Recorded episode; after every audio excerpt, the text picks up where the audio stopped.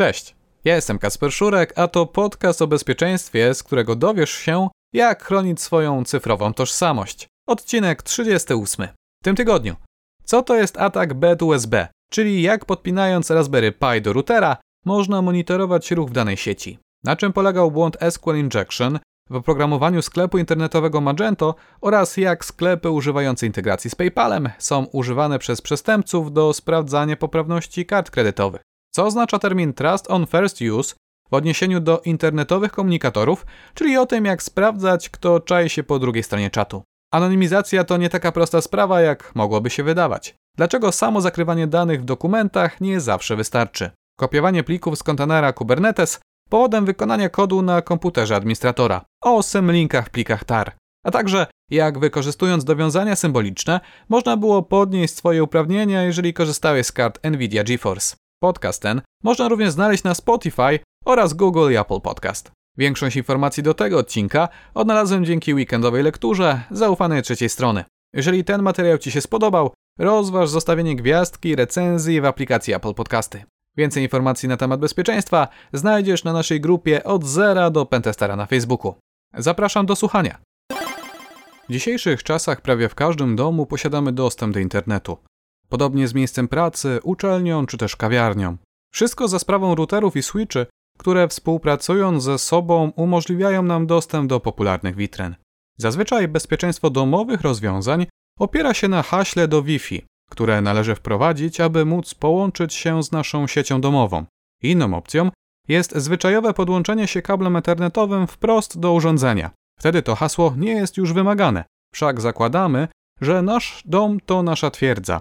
Jeżeli ktoś jest w stanie wejść do mieszkania, to mamy zdecydowanie większe problemy niż współdzielenie internetu z przestępcą. W firmach sprawa wygląda nieco inaczej. Zwyczajowo separuje się tam różne podsieci poprzez użycie VLANów. Takie podejście umożliwia rozdzielenie różnych segmentów sieci i zwiększa bezpieczeństwo. Chodzi bowiem o to, aby osoba z zewnątrz, podpinając się kablem do gniazdka znajdującego się w ścianie, nie uzyskała dostępu do naszych danych. Myśląc o bezpieczeństwie, myślimy bowiem o kablach, portach i Wi-Fi, ale co z samymi urządzeniami? Podczas konferencji B-Sides w Londynie zaprezentowano ciekawą metodę ataku na sprzęt sieciowy. Sporo routerów bowiem, oprócz portów ethernetowych oraz gniazda zasilania, posiada również port USB. Na pierwszy rzut oka może się to wydawać dziwne, lecz ma sporo sensu, zwłaszcza w urządzeniach domowych, a także tych dopasowanych do małych przedsiębiorstw. Tam istotne jest bowiem, aby sprzęt był jak najbardziej uniwersalny i aby posiadał jak najwięcej różnego rodzaju funkcjonalności. Przy pomocy takiego portu można bowiem podłączyć drukarkę, sprawiając, iż będzie ona dostępna dla wszystkich użytkowników danej sieci, albo też podpiąć dysk USB. Ba, można tak również podpiąć zewnętrzny modem LTE. Dzięki temu nasza sieć uzyskuje dodatkową warstwę redundancji. Standardowo ruch jest bowiem kierowany do naszego zwyczajowego dostawcy internetu. W przypadku jego awarii możemy automatycznie użyć naszego zapasowego mobilnego internetu. Jest to szczególnie istotne w czasach pracy zdalnej, kiedy to sporo osób pracuje z zacisza swojego domu. W takich przypadkach awaria internetu oznacza brak możliwości pracy. Stąd też taki dodatkowy backup łącza jest coraz częściej wybieraną opcją. Tylko, że takie podejście otwiera okno na nowy rodzaj ataku. Jeżeli bowiem atakujący posiada fizyczny dostęp do routera, może do jego portu USB wpiąć cokolwiek chce, w przypadku tej prezentacji do routera firmy Mikrotik wpięto Raspberry Pi Zero. Jest to platforma komputerowa wymyślona, aby wspierać naukę od podstaw. Za około 100 zł otrzymujemy miniaturowy komputerek zdolny do wykonywania zapisanych w nim operacji. W celu przeprowadzenia ataku programuje się to urządzenie w specyficzny sposób, tak aby symulowało ono, że jest modemem LTE. Po podpięciu go do portu USB, router rozpoznaje to urządzenie jako interfejs WAN a następnie wysyła request DHCP w celu uzyskania adresu IP modemu. W odpowiedzi router zwraca swój adres IP i coś jeszcze. W pakiecie DHCP oprócz adresu IP można również zawrzeć inne informacje, tak zwane opcje. Jedną z opcji o numerze 121 jest Classless Static Routes. Ta opcja pozwala na przekonanie routera, aby cały ruch internetowy, który do niego trafia, był automatycznie przekazywany dalej do modemu LTE. Mamy tutaj zatem do czynienia z atakiem man in the middle, kiedy to cały ruch wszystkich użytkowników jest przechwytywany przez atakującego i trafia w jego ręce. Aby całość działała, należy jeszcze wykonać jedną dodatkową czynność. W tym momencie cały ruch trafia do naszego Raspberry Pi, tylko że urządzenie to samo w sobie nie posiada dostępu do internetu. Należy zatem znaleźć rozwiązanie pozwalające nie tylko na monitorowanie tego ruchu, ale wysyłanie go dalej w świat. Badacz wykorzystał do tego celu serwer VPN. W takiej oto konfiguracji cały ruch internetowy oprócz jednego adresu IP trafia do Raspberry Pi.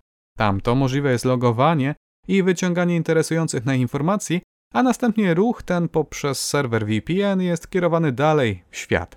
Bardzo ciekawy atak, co więcej możliwy do wykonania nie tylko na domowym sprzęcie, ale także w urządzeniach używanych w większych firmach. Jeżeli bowiem atakujący uzyska fizyczny dostęp do sprzętu sieciowego, może z powodzeniem wpiąć do niego klucz USB. I to wszystko, co musi zrobić. Zauważ proszę, że nie jest tu wymagane żaden login i hasło. Co więcej, nie musimy tutaj atakować pojedynczych komputerów. Router bowiem zbiera ruch z całej sieci. Taki atak jest praktycznie niezauważalny dla użytkowników.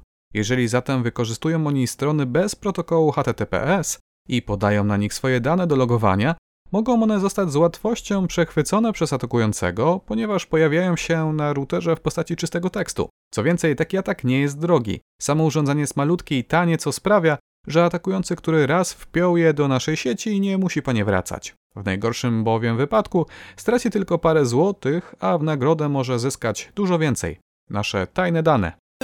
Magento to popularne, darmowe oprogramowanie sklepu internetowego. Parę dni temu odnaleziono w nim lukę, która pozwala na pobieranie danych z bazy danych bez posiadania żadnego loginu i hasła użytkownika.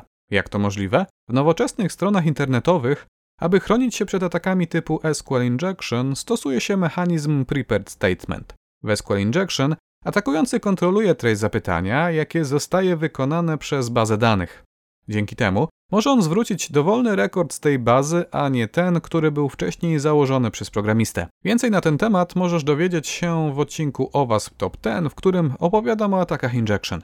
Metoda obrony wygląda następująco. Programista tworzy zapytanie do bazy danych, które ma być wykorzystane w danym kawałku kodu. W miejscach, w których mają się znaleźć dane od użytkownika, używa pytajników. Następnie tak gotowe zapytanie oraz dane od użytkowników są przekazywane do odpowiedniej funkcji. Tamto specjalny mechanizm zajmuje się wszystkimi potencjalnie niebezpiecznymi znakami przekazanymi przez użytkownika, a następnie umieszcza je w zapytaniu w miejscu postawionych wcześniej przez programistę pytajników. I to właśnie w tym mechanizmie znajdował się błąd, który był możliwy do wykorzystania w pewnym specyficznym przypadku.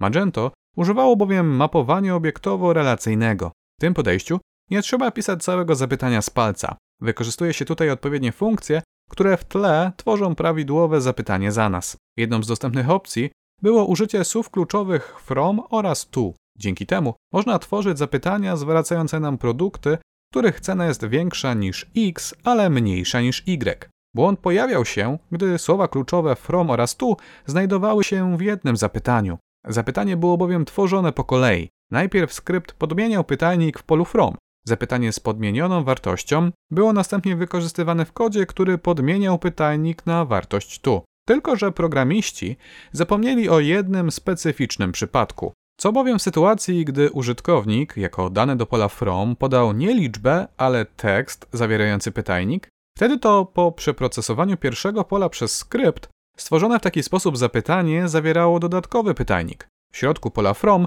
pomiędzy pojedynczymi cudzysłowami, a to sprawiało, że gdy dochodziło do podmiany pola tu, funkcja znajdowała dwa wystąpienia pytajnika. Jedno prawidłowe, podane przez programistę oraz drugie, dodatkowe, podane przez użytkownika w polu from. Magento w takim wypadku podmieniało oba pytajniki na treść podaną do pola tu. To sprawiało, że w treści zapytania pojawiały się podwójne cudzysłowy. Dzięki temu możliwe było takie manipulowanie zapytaniem do bazy danych, że zwracało ono dowolne wyniki. Co ciekawe, Kawałek kodu odpowiedzialny za tą funkcjonalność istniał w kodzie Magento już od dłuższego czasu. Pozostając dalej w temacie Magento, w internecie można kupić praktycznie wszystko, począwszy od kawy, komputera, skończywszy na broni czy też narkotykach. Można też nabyć numery kart kredytowych. Tak, tak, to nie pomyłka. Istnieją grupy osób, które sprzedają tego rodzaju informacje. Ten biznes wygląda następująco. Przy pomocy różnego rodzaju technik, chociażby phishingu czy też włamań na serwery, zbiera się numery kart od niczego nieświadomych użytkowników. Wśród przestępców, tak jak wśród innych zawodów, istnieją różnego rodzaju specjalizacje. Jedni odpowiedzialni są za zbieranie numerów kart, a inni wykorzystują tak zebrane informacje do zakupów towaru. Potem tak uzyskane dobra są sprzedawane i czyste pieniądze trafiają do rok przestępców. Dane kart kupuje się w partiach, po kilkadziesiąt albo kilkaset sztuk. Oczywiście mało kto jest w stanie zagwarantować stuprocentowe działanie każdej karty z partii. Karty przecież mają określoną datę ważności, ludzie rezygnują z niektórych kart czy też blokują je, gdy są pewni wycieku. Najpierw karty należy zatem sprawdzić, to znaczy upewnić się, iż podany numer jest działający i może posłużyć do złośliwej transakcji. Ostatnio przestępcy wykorzystują nowy pomysł na wykonanie tego procederu. Magento pozwala na integrację z PayPalem, czyli ze stroną oferującą usługi płatnicze. Dzięki temu użytkownik płaci na stronie PayPala, a sklep praktycznie natychmiastowo otrzymuje informacje na temat statusu takiej transakcji. Co więcej, przy pomocy PayPala można także płacić używając kart płatniczych. I to właśnie ta metoda jest używana w złośliwy sposób. Przestępcy bowiem inicjalizują transakcję na zerową kwotę wykorzystując skradzione numery kart. W zależności od kodu odpowiedzi zwracanej przez serwer wiedzą, czy numer karty jest prawidłowy. Co więcej, ponieważ de facto nic nie kupują, ofiara nadal nie jest świadoma, że ktoś posiada jej dane. Wszak nadal żadne pieniądze nie zostały jeszcze ukradzione. Z roku na rok zwiększa się świadomość użytkowników internetowych komunikatorów. Coraz częściej rozumiemy, że korzystając z tego rodzaju narzędzi sprzedajemy swoją prywatność w zamian za wygodę. Wszak serwisy te mogą w automatyczny sposób śledzić treści przesyłanych przez nas wiadomości, a następnie wykorzystywać je do targetowania reklam, które idealnie dopasowują się do naszych potrzeb. Rozmawiasz z narzeczoną o nowym, pięknym domu, widzisz w swojej przeglądarce oferty biur nieruchomości. Piszesz z kolegą o nowym samochodzie, wyświetlają ci się informacje o ratach 0% przy zakupie tegorocznego rocznika. Stąd też rosnąca popularność zyskują komunikatory oferujące. Tak end-to-end encryption. W teorii dane są szyfrowane na naszym telefonie i w takiej postaci go opuszczają. Następnie po drugiej stronie tak przesłana wiadomość jest deszyfrowana i odczytywana przez odbiorcę. O ile klucze używane do całego procederu nie zostały skompromitowane, zewnętrzne podmioty nie są w stanie odczytać tak przesłanych wiadomości. Ale ta forma komunikacji posiada jeden minus. Chodzi o termin TOFU, czyli Trust on First Use, a luźnie tłumacząc to na polski, zaufanie podczas pierwszego użycia. Aby bowiem całe to szyfrowanie miało sens, musimy wiedzieć, że po drugiej stronie rzeczywiście mamy do czynienia z osobą, z którą chcemy się skontaktować. Co bowiem z tego, że wyślemy zaszyfrowaną wiadomość, jeżeli trafi ona do innej osoby niż ta, którą oczekujemy. Zazwyczaj działa to następująco. Podczas instalacji oprogramowania generuje ono unikalny klucz służący do szyfrowania. Składa się on z dwóch części publicznej oraz prywatnej. Identyfikator tej publicznej części jest wysyłany do naszego rozmówcy w formie kilkudziesięcioznakowego identyfikatora. Osoba po drugiej stronie powinna skontaktować się z nami przy pomocy innego źródła komunikacji, najlepiej osobiście, i porównać wyświetlany na telefonie identyfikator z tym, który należy do nas. Jeżeli wszystko się zgadza, mamy pewność, że wiadomość będzie mogła zostać odszyfrowana tylko przez naszego znajomego. I tak wszystko działa, aż do pewnego momentu, kiedy to albo my, albo nasz znajomy kupuje nowy telefon lub też ponownie instalujemy daną aplikację. Wtedy to klucze generowane są na nowo, a naszym znajomym w oknie czatu pojawia się drobna informacja, iż nasze klucze zostały zmienione. Gdybyśmy trzymali się sztywnego protokołu, w takim momencie powinniśmy ponownie skontaktować się z naszym znajomym przy użyciu bezpiecznego łącza i potwierdzić jego nowy klucz. Ale umówmy się, kto tak robi w rzeczywistości? Jak zatem rozwiązać problem pierwszego użycia? Tutaj przedstawię propozycję firmy Keybase. Tutaj ponownie każde urządzenie, niekoniecznie telefon, generuje swój unikalny klucz wykorzystywany do szyfrowania. Tylko, że podczas dodawania nowego urządzenia do naszego konta, ten nowy klucz jest podpisywany poprzez zaufany klucz, znajdujący się na którymś z naszych innych urządzeń. Dzięki temu nasz odbiorca nie musi za każdym razem kontaktować się z nami, gdy używamy nowego urządzenia. Wystarczy tylko, że sprawdzi, czy nowy klucz jest podpisany przy pomocy klucza, któremu wcześniej ufaliśmy. Zakłada się tu bowiem, że ufamy wszystkim wcześniejszym urządzeniom, więc jeżeli któreś z nich twierdzi, że nowy klucz jest nasz, również i ten klucz zaczynamy traktować jako zaufany. Czy takie rozwiązanie się sprawdzi i zostanie wykorzystane przez inne podmioty? Czas pokaże. Anonimizacja danych to nie taka prosta sprawa, jak mogłoby się wydawać. W przeszłości było już kilka wpadek związanych z tym tematem. Chociażby udostępnianie plików w formacie PDF, gdzie niektóre dane zostały zaciemnione przy pomocy czarnego prostokąta. I rzeczywiście, taki sposób dochowania tajemnicy mógłby się sprawdzić, gdyby tak przygotowany plik został wydrukowany. Tylko, że metoda taka niekoniecznie działa, jeżeli tak zanonimizowany plik jest udostępniany dalej w formacie PDF. Ten prostokąt jest bowiem kolejną dodatkową warstwą nakładaną na źródłowy dokument. To, co znajduje się pod spodem tak nałożonej grafiki, dalej jest zapisane w pliku i może być w bardzo prosty sposób odzyskane. Ale do nie do końca prawidłowej anonimizacji może również dojść w innym wypadku. Jakiś czas temu mieliśmy do czynienia z pierwszą karą GDPR nałożoną w Polsce. Sprawa dotyczy firmy, która pobierała z publicznych rejestrów informacje o przedsiębiorcach, a następnie tak pobrane dane wykorzystywała w swoich projektach. Urząd Ochrony Danych Osobowych na swojej stronie opublikował decyzję o karze. Postanowił jednak zanonimizować nazwę firmy. Cały trud poszedł jednak na marne. Dlaczego? Jak możemy dowiedzieć się na łamach portalu prywatnik.pl, w treści dokumentu zamieszczano taką oto informację. Spółka zamieściła na swojej stronie internetowej w zakładce Dane i Prywatność informację o przetwarzaniu danych osobowych. Informacja ta była dostępna na podstronie slash RODO. Wystarczyło więc proste zapytanie do Google z nazwą zakładki, aby ustalić nazwy potencjalnych firm, które mogły otrzymać karę. Wszak fraza dane i prywatność slash informacje o przetwarzaniu danych osobowych jest na tyle unikalna, iż nie widnieje na dużej ilości stron, zwłaszcza w tej konkretnej kolejności wyrazów. Tak oto anonimizacja okazuje się całkowicie nieskuteczna. Zastanawia także, dlaczego urząd postanowił ocenzurować ten dokument. Na szczęście firma, która otrzymała karę, sama się ujawniła, co pokazuje, iż podana wyżej metoda odzyskiwania poufnych danych okazała się skuteczna.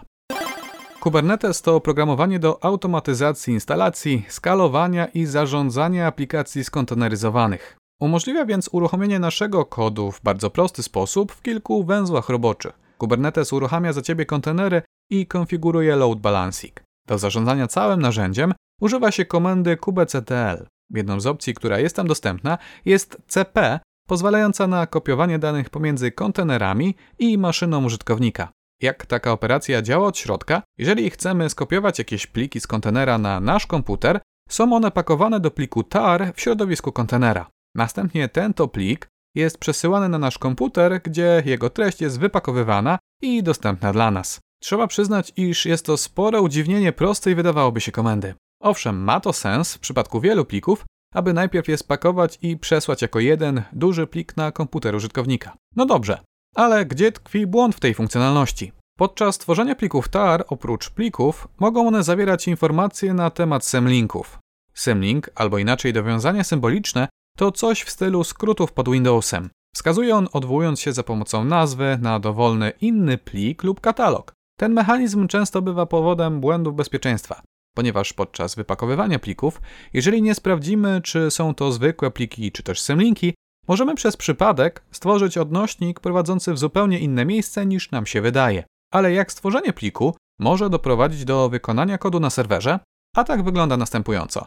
Atakujący przygotowuje specjalnie spreparowany kontener z popularnym oprogramowaniem, z serwerem www. Jest to dokładna kopia oficjalnego kontenera, z tym, że zmieniono w niej jeden konkretny plik, a mówiąc dokładniej plik tar. Ten to plik, podczas swojego wykonania, do wynikowego archiwum dodaje dwa dodatkowe pliki, z których jeden jest dowiązaniem symboliczny, a drugi plikiem bashrc.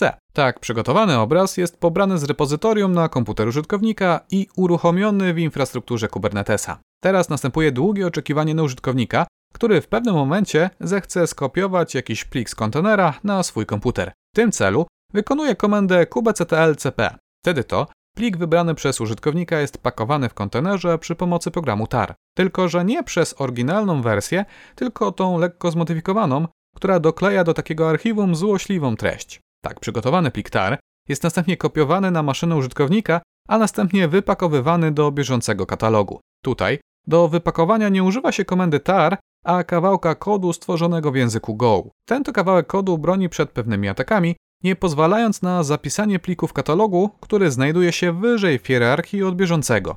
Ale równocześnie pozwala on na stworzenie na dysku dowiązania symbolicznego. A więc najpierw tworzony jest symlink, który wskazuje do katalogu prod self cwd. Drugi plik ze złośliwą komendą natomiast znajduje się w podkatalogu o nazwie takiej samej jak wcześniej stworzony symlink. Ponieważ to dowiązanie zostało stworzone wcześniej, skrypt próbując zapisać plik do tego katalogu, nie zapisuje go do bieżącego katalogu, tak jak założył programista, a do katalogu wskazanego przez dowiązanie. A ponieważ wykorzystujący podatność kontroluje treść pliku tar, może wskazać na dowolny katalog w systemie użytkownika. Tym razem wskazuje się na bieżący katalog zalogowanego użytkownika i tworzy się w nim plik .bashrc.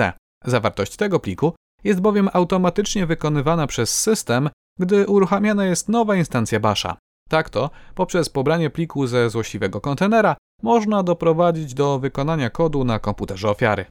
Ten odcinek jest mocno techniczny. Teraz o podniesieniu uprawnień w systemie Windows przy użyciu oprogramowania firmy Nvidia. Nvidia GeForce Experience jest instalowane automatycznie w systemie, w którym używana jest karta graficzna GeForce tegoż producenta. Oprogramowanie to pozwala na przechwytywanie grafiki, a także transmisję live do serwisów streamingowych. O podniesieniu uprawnień mówimy wtedy, kiedy użytkownik może wykonać jakąś akcję, której normalnie nie powinien móc wykonać. W Windowsie zazwyczaj chodzi zatem o sytuację, w której normalny użytkownik, który nie należy do grupy administratorów, może wykonać dowolną komendę na danym systemie, czyli chociażby stworzyć nowe konto administratora. Zazwyczaj podczas wykorzystywania i odnajdowania tego rodzaju podatności zaczyna się od zlokalizowania procesów z wysokimi uprawnieniami. Po odnalezieniu takich procesów sprawdza się, czy możliwe jest przekonanie ich do wykonania jakiejś dodatkowej czynności. Jeżeli proces działa z uprawnieniami system, czyli najwyższymi możliwymi uprawnieniami, to ma on dostęp do każdego katalogu czy też pliku znajdującego się na dysku twardym. Może zatem odczytywać, a także zapisywać dane wszędzie tam, gdzie zwykły użytkownik tego nie może. W tym przypadku chodziło o zapisywanie danych do pewnego specyficznego pliku z logami. To zapisywanie odbywało się z poziomu konta system, ale dostęp do tego zapisanego pliku miał każdy użytkownik na danym systemie, czyli nawet zwykłe konto użytkownika. A taka sytuacja jest niebezpieczna. Dlaczego? Ponieważ podobnie jak w sytuacji z Kubernetesem, pod Windowsem można stworzyć dowiązanie symboliczne, o ile posiada się dostęp do danego pliku. Wtedy to proces zapisujący dane do takiego pliku tak naprawdę zapisuje je w inne miejsce wskazane przez użytkownika przy pomocy dowiązania. Tutaj ważna uwaga. Aby cały proces się udał, katalog, w którym tworzymy dowiązanie musi być pusty. Tak to możemy zapisać treść wygenerowaną przez oprogramowanie NVIDIA do kontrolowanego przez nas pliku w innym katalogu niż spodziewa się tego program. Ale aby podnieść swoje uprawnienia, fajnie byłoby kontrolować treść, jaka jest tam zapisywana. W tym wypadku było to proste. Aplikacja zapisywała bowiem adres URL kontrolowany przez użytkownika. Cały exploit wyglądał zatem następująco. Najpierw należy uruchomić komputer w trybie Safe Mode. Dzięki temu serwis NVIDIA się nie załaduje, a jest to konieczne, ponieważ trzeba usunąć pliki z katalogu, tak aby móc stworzyć dowiązanie symboliczne. A jeden z plików nie mógł być usunięty w normalny sposób, ponieważ był używany przez tą usługę. Potem tworzony jest symlink wskazujący na katalog startup. Teraz wystarczy już tylko poczekać, aż na komputerze zaloguje się użytkownik z uprawnieniami administratora. Wtedy to w ramach jego konta wykona się kod z katalogu startup, w którym to możemy zamieścić dowolną komendę. Taka ścieżka wykonania wydaje się mało prawdopodobna. Demonstruje jednak, dlaczego zapis do pliku poprzez proces z wysokimi uprawnieniami powinien być wykonywany z dochowaniem najwyższej staranności. Jeden z użytkowników Twittera opublikował bardzo interesujący wpis. Brzmi on następująco. Używam menadżera haseł. Wszędzie mam ustawione dwuskładnikowe uwierzytelnienie. Kiedy jakaś strona prosi mnie o odpowiedzi na pytania, które mogłyby posłużyć do odzyskiwania mojego hasła, generuję unikalny 32-znakowy ciąg. Nie używam nazwiska pańskiego mojej matki, imienia mojego zwierzaka i innych publicznie dostępnych danych jako hasła. Monitoruję swój adres e-mail w poszukiwaniu włamań, a także przeglądam wydatki na swojej karcie kredytowej. Wydaje mi się, że robię wszystko, aby ochronić swoje cyfrowe życie. Ale czy to wystarczy? Dalej stara się uzyskać informacje, czy można wynająć firmę, która za pieniądze sprawdziłaby, czy jego życie jest tak bezpieczne, jak mu się wydaje. Owszem, tego rodzaju usługi istnieją dla dużych firm oraz gwiazd wielkiego formatu, ale czy zwykły Kowalski ma jakąś alternatywę? A co wy o tym sądzicie? Jakie dodatkowe porady przekazalibyście użytkownikowi Twittera, aby jeszcze lepiej zabezpieczył swoje cyfrowe ja? Dajcie znać w komentarzach. I to już wszystko w tym odcinku. Serdecznie zapraszam do subskrypcji kanału, a my widzimy się już za tydzień. Cześć!